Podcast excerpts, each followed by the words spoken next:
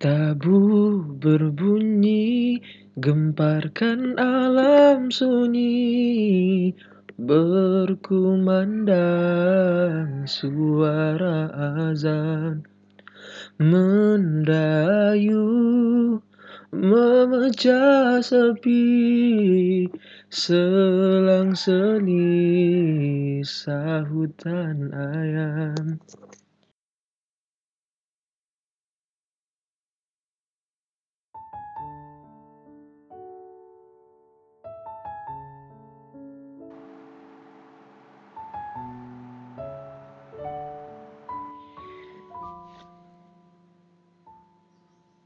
Oke mungkin teman-teman sudah pernah mendengarkan lagu tersebut ya. Syair nasyid dari Raihan. Judulnya Peristiwa Subuh. Mungkin sejak kecil kita sudah sering mendengarkannya gitu. Dan kalau dipikir-pikir Rasanya Raihan Grup yang nyanyi tadi Sebenarnya tak sekedar mencari penghidupan atau eksistensi semata lebih dari itu, mereka membangun dakwah lewat syair dan lagu-lagu. Mungkin bisa kita lihat anak-anak yang sampai hafal Asma Husna dengan lagu Raihan. Ada juga anak-anak yang melafalkan 20 sifat Allah dengan lagu Raihan.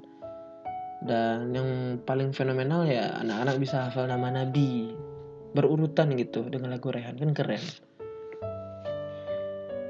Sebenarnya lagu peristiwa subuh dari Raihan ini menggambarkan realitas manusia di mana-mana tentang sepenggal episode pentingnya kehidupan di waktu subuh. Jika subuhnya baik, baik pula hari-harinya. Sebaliknya jika subuhnya telat, rusak pula kegiatan yang akan dia laksanakan setelah itu. Mungkin teman-teman pernah mengalaminya ya. Karena sejujurnya saya juga pernah mengalami dan sangat memahami kondisi ini ada energi di waktu subuh ketika azan memanggil di antara banyaknya manusia gitu. Hanya segelintir yang bangun. Di antara yang bangun, sebagian tertidur lagi. Matanya ditutup setan, dikencingi iblis telinganya. Ada sebagian lagi yang menyambut seruan azan yang saling bersaut-sautan di seantero bumi ini. Matanya memang belum sepenuhnya terbuka, tapi keteguhannya mengalahkan kantung. Itu orang-orang yang hebat. Kekuatannya bisa jadi belum penuh terkumpul tetapi iman mengalahkan kelelahan. Dan kerennya subuh itu karena disaksikan oleh para malaikat. Kita kalau udah sampai baca Al-Quran surah Al-Isra surah ke-17 ayat 78 gitu. Subuh itu malaikat nontonin kita ya. Bukan nontonnya sih lihat kita terus mendoakan yang terbaik untuk kita. Oke teman-teman, kalau misalnya masjid diberi kesempatan bicara, mungkin dia akan kecewa pada umat yang telah menghias dirinya dengan indah menawan, tetapi jarang didatangi terlebih dahulu pada waktu subuh gitu. Mungkin kalau masjid hidup, ya jadi makhluk hidup ya bisa ngomong gitu. Mungkin dia akan merintih gitu. Ih, mengapa umat ini nggak sadar juga kekuatan terbesarnya ada di dalam jantung masjid dan waktu subuh gitu. Mengapa bangsa yang besar ini lalai bahwa kebangkitannya bermula dari surun subuh di mihrab masjid gitu. Kata Imam Ali Abdul Abdus Sami Hussein apa kata beliau sungguh masjid-masjid di seluruh penjuru dunia ini merintih pedih dan mengeluh pada Allah karena dijauhi oleh mayoritas kaum muslimin ketika sholat subuh dilaksanakan.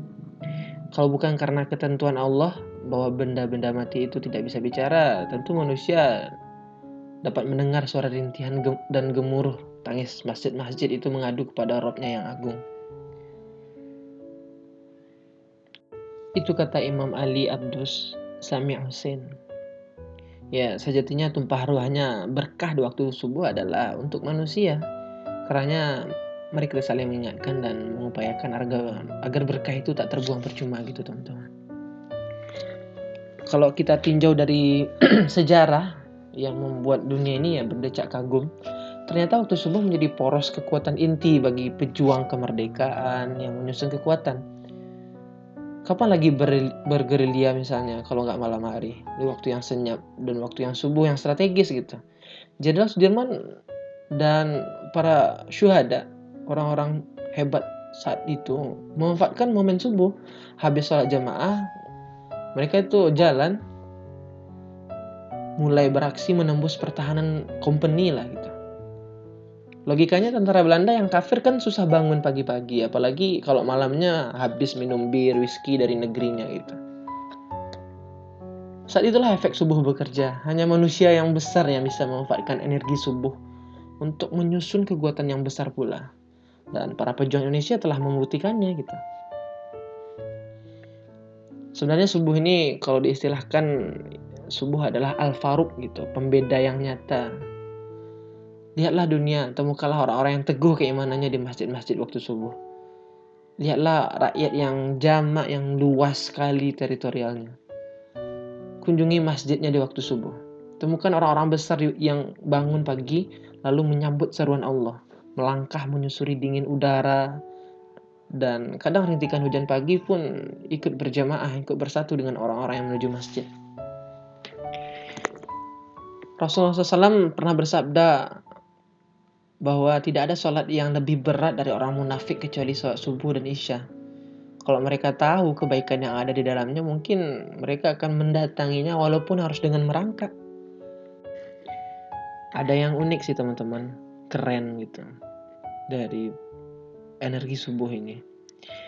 Itu Philip Kahiti dan sejarawan Eropa mengakui bahwa bahwa ada suatu taktik bagi Salahuddin Al-Ayyubi ketika beliau berhadapan dengan pasukan aliansi salib ya gabungan dari 22 negara Eropa ya waktu subuh adalah waktu tradisi yang tidak dipunyai rakyat mana pun kecuali orang-orang Islam kecuali muslimin saat Richard the Lionheart kelelahan berpesta di malam hari Salahuddin Al-Ayyubi dan tentaranya sudah berbaris rapi di bukit-bukit sebelah lembah, ya dunia menjadi takjub. Sayang, senjata ampuh yang dimiliki umat ini tak dipakai. Karenanya jangan heran jika kaum muslimin mengalami kemunduran selangkah demi selangkah, lalu terpecah belah. Senjata ampuh itu ya bernama waktu subuh. Apakah ini berlebihan? Enggak, enggak sama sekali. Kawan-kawan, ada ketakutan yang besar merasuki jiwa-jiwa orang barat dan orang Zionis terhadap umat ini namun perlu kita ketahui bahwa mereka tidak takut dengan kecanggihan teknologi yang kita miliki. Memang teknologi apa yang bisa kita banggakan? Toh teknologi mereka yang lebih canggih mutakhir daripada kita.